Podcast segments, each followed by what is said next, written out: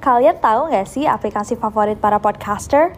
Aplikasi yang jadi kunci sukses para podcaster untuk ngerekam podcast-podcast keren mereka cuma dari smartphone, namanya Anchor. Anchor ini kalau aku bisa bilang adalah all-in-one app yang simple banget. Gak heran kalau para podcaster bilang bahwa aplikasi inilah kunci kesuksesan dari podcast-podcast mereka. Di Anchor, kalian gak cuma ngerekam suara, tapi juga bisa ngedit.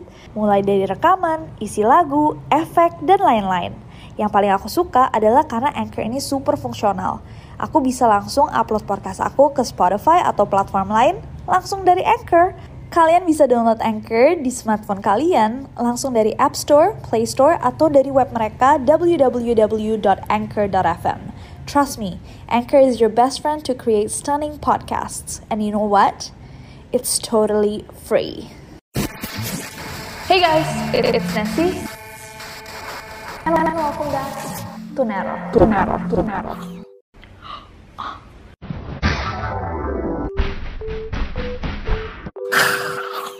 Hey guys, it's Nessie and welcome back to Nero. Anak kecil biasanya dilihat sebagai makhluk-makhluk paling polos, baik, tanpa ada satu urat jahat pun di dalam tubuh mereka.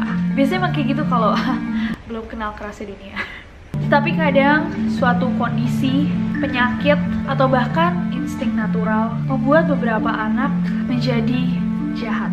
The wrong upbringing atau salahnya asuhan juga adalah salah satu faktor yang membuat anak kecil bisa menjadi nakal. Tapi beberapa anak kecil yang kita bakal bahas hari ini bukan hanya nakal, mereka adalah pembunuh-pembunuh termuda di dunia.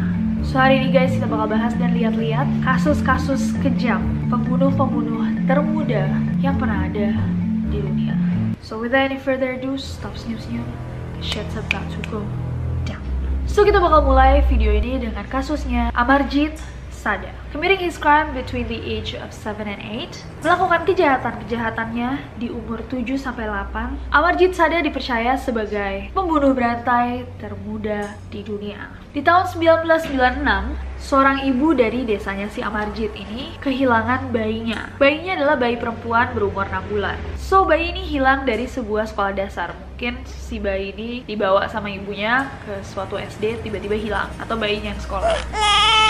Amarjit mengaku bahwa dia telah mengambil bayi tersebut, membawa ia ke suatu lapangan kosong, dan mencekik serta memukulinya di muka dan kepala dengan batu berat. Badan bayi itu yang sudah terluka parah ditemukan di tengah lapangan terbalut tanah dan rumput. Beberapa bulan sebelumnya, Amarjit sempat dicurigai mencekik adik bayi perempuannya sendiri. Dan satu tahun sebelumnya, ketika Amarjit baru aja umur 7 tahun, dia memukul sepupunya sendiri hingga meninggal. Dan si sepupunya ini adalah bayi yang baru berumur satu tahun. Ketika Amarjit dikonfrontasi sama polisi setelah pembunuhan korban terbarunya, Amarjit terlihat bangga dengan apa yang telah ia lakukan. Ia mencurahkan dalam sebuah pengakuan semua detail yang mengerikan tentang apa yang pernah ia lakukan dan cuma tersenyum ketika ditanya kenapa. Dia juga sempat menunjukkan polisi-polisi di mana ia menaruh bayi-bayi ini dan dia difonis salah sebagai pembunuh, tapi cuma bisa ditahan selama 3 tahun di bawah hukum India karena dia masih anak-anak. So setelah 3 tahun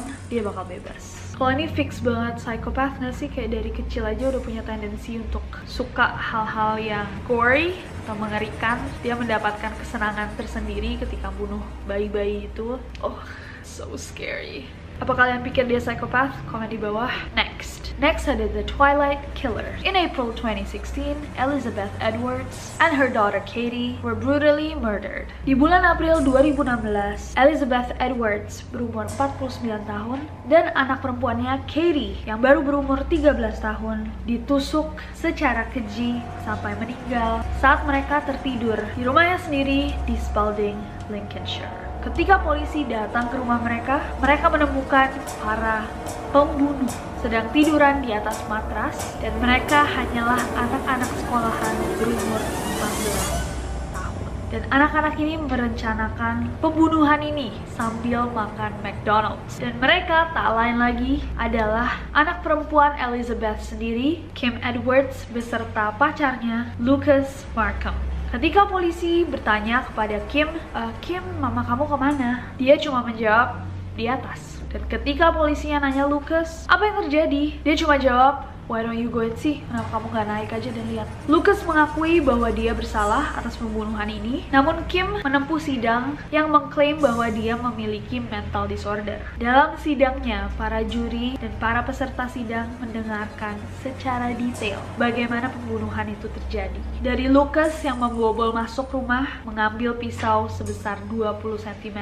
Kemudian Lucas ini membunuh Elizabeth terlebih dahulu, kemudian membunuh Katie Sedangkan Kim sebagai seorang anak dan seorang kakak hanya berdiri, diam, dan menyaksikan kedua anggota keluarganya pelan-pelan kehilangan nyawa mereka. Oh my god. Keduanya dihukum dengan hukuman minimum 17 setengah tahun penjara. Can you imagine killing your mom? Bunuh ibumu sendiri. Gila untung dari kecil kita ditakut-takutin sama malin kundang ya. Next. Next ada Marcelo Pasagini. Marcelo Pasagini, berumur 13 tahun, had told his friends that he dreamt of being hired a serial killer to murder his own parents untuk dipekerjakan sebagai pembunuh bayaran dan membunuh orang tuanya sendiri. Dan di bulan Agustus tahun 2013, he did just that. Dia benar-benar melakukan itu menggunakan revolver standar polisi kepemilikan bapaknya. Sang bapak, Louis yang berumur 40 tahun, ditemukan mati di atas tempat tidur dan tubuh istrinya, Andrea yang berumur 36 tahun, ditemukan tak bernyawa juga, berlutut di lantai kamar mandi. Oh my god, yang tadi bunuh ibunya ini bapak ibunya juga. Oh. oh nenek serta tante buyutnya juga ditemukan mati di atas tempat tidur. Dan setelah membunuh keluarganya, Marcelo dengan nyatanya mendapatkan tumpangan ke sekolah dari temannya dan menghabiskan waktunya di sekolah seperti biasanya sebelum dia pulang ke rumah dan menembak dirinya sendiri di kepala. Dan ternyata ketika dicek, ada senjata api lainnya di tasnya Marcelo. Dan Marcelo dipercaya mereka ulang kejadian Amityville 1974 yang kita udah sering banget bahas di Neror. Di mana Ronald DeFeo Jr. membunuh seluruh anggota keluarganya ketika mereka sedang tidur. Eh hey guys, aku mau sedikit sharing sih seputar aplikasi keren yang aku gunain buat bikin podcast ini. Aplikasi ini tuh bisa di-download di App Store atau di Play Store. And it's totally free. Gak cuma buat ngerekam aja, Anchor juga bisa buat ngedit langsung rekaman kalian. Kita bisa langsung nambahin back sound, effects, tambah lagu, bahkan Anchor juga bisa mendistribusikan podcast kita ke berbagai platform lainnya. Kayak aku nih, biasanya aku langsung upload podcast aku ke Spotify langsung dari Anchor. Jadi di mana pun aku berada, aku bisa buat podcast aku kapan pun dan di mana pun aku mau. Karena dia super gampang, aku jadi suka banget nih sama Anchor ini. Daripada kalian kepo, mendingan kalian langsung coba aja buat podcast sendiri pakai Anchor. It's super simple and free. Oh my god, oh my god, oh my god. Ibunya sedang berlutut di kamar mandi. Jadi mungkin dia bunuh bapaknya, bapaknya mati di tempat tidur, ibunya bangun kayak apa nih barusan ada tembakan. Ibu yang mencoba lari ke kamar mandi, terus ditembak juga sama anaknya. Oh my god, that's so scary. Next. Next ada kasusnya Joshua Phillips. On November 3rd, 1998, at around 5 p.m., Maddie Clifton disappeared. Di 3 November tahun 1998, sekitar jam 5 sore, Maddie Clifton dinyatakan hilang. Para polisi ingin menghentikan pencarian, namun komunitas termasuk 400 400 sukarelawan meminta polisi untuk bertahan. Ada juga imbalan yang ditawarkan, 50 ribu dolar untuk siapa pun yang bisa menemukan Maddie. Bahkan imbalannya didouble menjadi 100 ribu untuk siapa pun yang bisa menemukan Maddie. Salah satu dari sukarelawan tersebut adalah Joshua Phillips. Pencarian Maddie ini terhenti seminggu setelah Maddie hilang. Setelah ibunya Joshua pergi ke dalam kamarnya dan menemukan kebocoran dari kasur akhirnya. Dan saat ia memeriksanya, ia menemukan tubuh Maddie yang tak bernyawa di dasar kasur air tersebut. Ibunya Joshua pun langsung lari keluar rumah dan melaporkan hal ini kepada polisi. Joshua langsung ditahan di sekolahnya dan mendapatkan pengawasan ketat di sidang utamanya. Dan akhirnya mereka tahu bahwa kematian Maddie disebabkan penusukan berulang-ulang dan pemukulan dengan tongkat baseball. Phillips menyatakan it all happened itu terjadi ketika Maddie datang untuk mengajak Phillips main di luar. Jadi Phillips yang waktu itu berumur 14 tahun diajak sama Maddie yang umur 8 tahun ini untuk main baseball di luar. Phillips pun menyetujui walau dia sebenarnya nggak dibolehin untuk bawa teman masuk rumah ketika orang tuanya lagi nggak di rumah. Ketika kedua ini lagi bermain baseball, Maddie menjadi pitcher jadi dia yang ngelempar bola dan Phillips yang mukul bolanya. Tapi ternyata bola itu terlalu keras dan ngenain matanya Maddie. Matanya Maddie mulai berdarah, ia pun menangis dan berteriak. Panik, Phillips yang takut akan reaksi ayahnya membawa Maddie ke kamarnya, di mana ia melanjutkan dengan menyekik Maddie dengan tali telepon selama 15 menit, memukulnya dengan tongkat baseball dan akhirnya memasukkan dia di bawah kasur akhirnya. Ketika ayahnya pulang, dia pun ngobrol sama ayahnya Terus dia balik lagi ke kamarnya dan dia sadar bahwa Maddie ini masih hidup. Kemudian dia mengangkat kasur airnya dan menusuk Maddie 11 kali sampai ia meninggal. Motif dari pembunuhan tersebut adalah bahwa dia takut terhadap ayahnya yang ringan tangan dan suka mabuk yang pastinya akan marah jika Phillips menyakiti Maddie. Oh, wow. Oke, kalau yang ini kayak kelihatan banget dia terpaksa situasi gitu gak sih? Dia takut banget bapaknya bakal mukulin dia kalau misalkan dia bawa Maddie yang matanya berdarah. Jadi dia panik, dia bunuh Maddie. Bukan karena kayak emang dia senang ngebunuh. Ya tetap salah, cuma motifnya beda sama yang pertama tadi. Kalau menurut kalian gimana? Komen di bawah.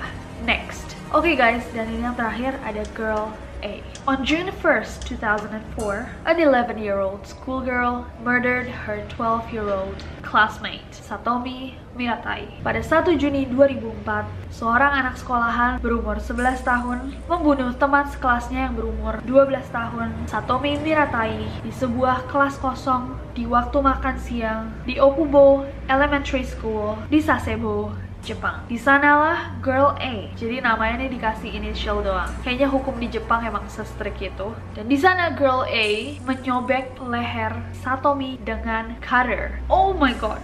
Dan meninggalkannya agar mati kehabisan darah. Dia kembali ke kelasnya sendiri dengan seragamnya yang berlumuran darah. Guru mereka sadar bahwa dua perempuan ini, dua anak kecil ini tidak kelihatan dan gurunya nggak sengaja nemuin badannya Satomi yang udah tidak bernyawa dan menghubungi polisi. Setelah dibawa dalam tahanan, Girl A langsung mengakui kejahatannya dan terus-terusan minta maaf sama Pak Polisi. Dia menghabiskan malamnya di kantor polisi, menangis dan menolak makanan yang ditawarkan. Di awalnya Girl A nggak mau kasih tahu nih motifnya dia membunuh temannya ini apa. Namun tak lama kemudian dia mengakui bahwa Satomi sama dia bertengkar karena Satomi meninggalkan pesan yang gak enak tentang berat badannya Girl A di internet. Jadi dia secara nggak langsung dibully sama si Satomi ini. Dia dibilang gemuk, dia dibilang kayak ah kamu anak baik-baik, terlalu baik, kayak cupu gitu. Dan dia mungkin udah gak kuat, jadi dia bunuh temennya pakai cutter. Uh, Uh, sebenarnya kita bisa belajar juga di sini. Kayak kita lihat, mungkin untuk beberapa orang kita baca hate comments, kita nggak ambil ke hati, tapi kita nggak tahu gimana dengan orang lain. Mungkin komentar-komentar so akrab kalian yang kayak, haha lo gendutan, atau lo gendut banget sih, atau haha cupu, atau lo kurus banget, lo hitam banget, lo kayak nggak makan, things like that yang menurut kita kayak ha lucu banget. Orangnya juga nggak akan peduli. Kita nggak tahu gimana hal-hal tersebut diterima sama orang lain. So always be nice. Peraturan pertama bersosial media adalah jangan pernah tulis komentar yang kalian tidak mungkin katakan secara langsung. Jangan cuma karena kalian bersembunyi di balik screen dan orangnya nggak bisa langsung ngerauk kalian, kalian ngerasa kayak kalian bisa nulis segala macam. It doesn't work that way. So yeah, always be kind, always be nice. Video ini menurut aku serem banget karena kayak aku biasa bilang, you will never know. Kita nggak pernah bisa tahu sejahat apa seorang manusia itu. Anak bisa bunuh ibunya sendiri dan adiknya dan bapaknya dan neneknya like your own family, keluarga kamu sendiri, apalagi orang-orang lain di luar sana. Uh. So komen di bawah guys, menurut kalian kasus mana yang paling serem? Apakah ada kasus-kasus lainnya? Mungkin di Indonesia yang belum pernah aku baca. Please ceritain di bawah, adakah seorang anak yang bunuh temennya or whatever komen di bawah. Aku tahu di sini banyak bullying yang kayak di mana anak-anak ngebully temennya sampai meninggal. Tapi aku belum pernah baca kasus yang benar-benar kayak anak yang psikopat di sini. Mungkin kalian tahu komen di bawah. Komen di bawah juga apakah kalian percaya sama orang-orang tersayang kalian 100% karena kalau misalkan aku habis nonton kayak gini aku kayak I don't trust any of you kidding. Dan komen juga di bawah guys ide-ide buat neror-neror selanjutnya. Yang serem pastinya. But other than that I hope that you guys enjoy this video. Kalau misalkan kalian suka videonya klik like nya follow aku di Instagram dan Twitter. Gampang banget. Esi Judge aja. Dan subscribe ke channel ini juga nyalain notificationnya biar kalian tahu kalau misalkan aku upload video baru. Karena aku gak sabar buat ketemu kalian lagi. Bye bye